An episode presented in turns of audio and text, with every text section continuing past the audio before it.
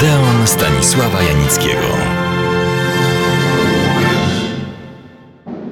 Dzisiaj kończę moją krótką opowieść o jednym z najwybitniejszych i najpopularniejszych aktorów amerykańskich. Najpierw kilka informacji pozafilmowych.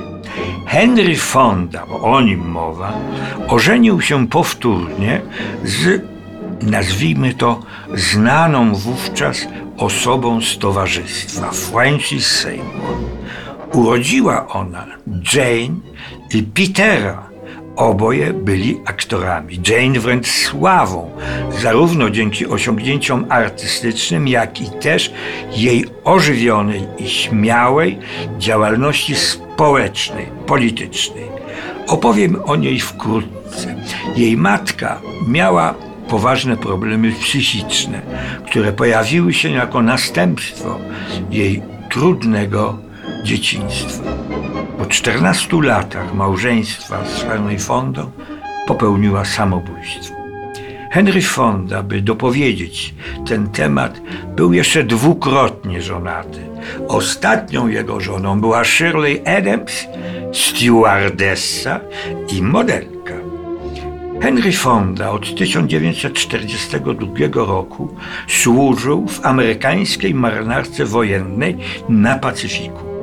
Jako porucznik otrzymał brązową gwiazdę i wyróżnienie od prezydenta Roosevelta.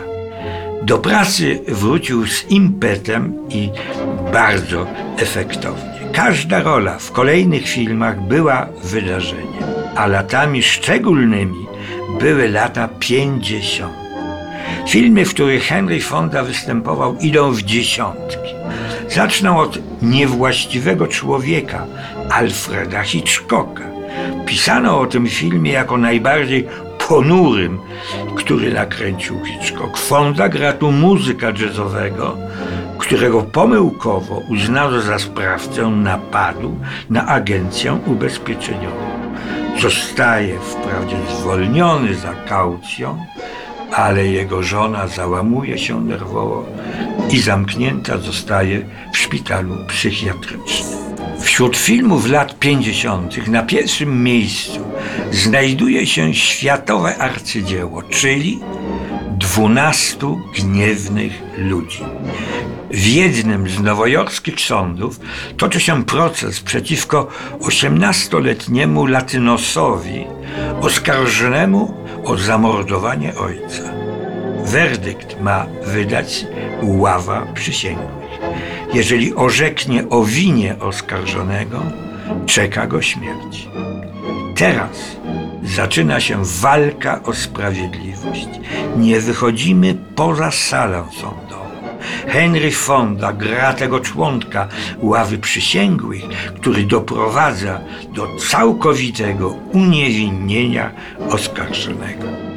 Aktorski majstersztyk, oczywiście i reżyserski Sidney Lumeta, doceniony na całym świecie. Złoty Niedźwiedź na festiwalu w Berlinie. Krytycy amerykańscy, ale i światowi charakteryzowali styl gry Henry'ego Fondy, biorąc pod uwagę całą jego twórczość, dokonania niezależnie od tego, jaki to był film i przez kogo realizowany. Tak to określamy. Henry Fonda nie gra, ale jest. Gra z pełnym zaangażowaniem i zrozumieniem odtwarzanej postaci i sytuacji, w której się ona znalazła. Gra z niezwykłą wprost prostotą. Pisano, że przedstawia poprzez kreowane postaci typową i charakterystyczną amerykańską osobowość. Prościej powiedzielibyśmy, że w każdej granej postaci jest typowym Amerykaninem. I na zakończenie film, w którym Fonda zawarł jak gdyby esencję granych przez siebie postaci. I choć jest to typowy western, postacie nie są szablonowe, podporządkowane schematowi tego gatunku. Tak na marginesie, role westernowe należały do ulubionych Henry'ego Fonda.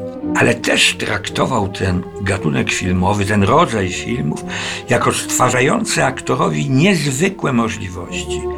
Oczywiście, jeśli filmy te tworzyli prawdziwi artyści, a nie tylko nawet najlepsi rzemieślnicy.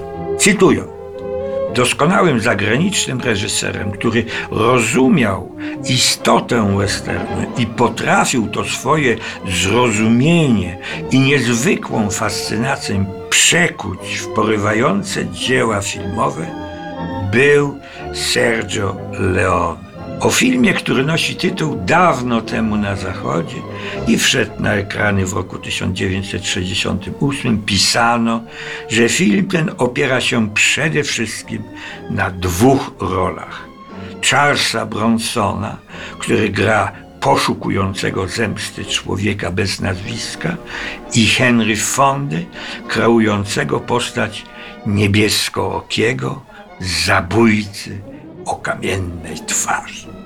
Tak w marginesie proszę poszperać w internecie i odnaleźć ten film, bo warto.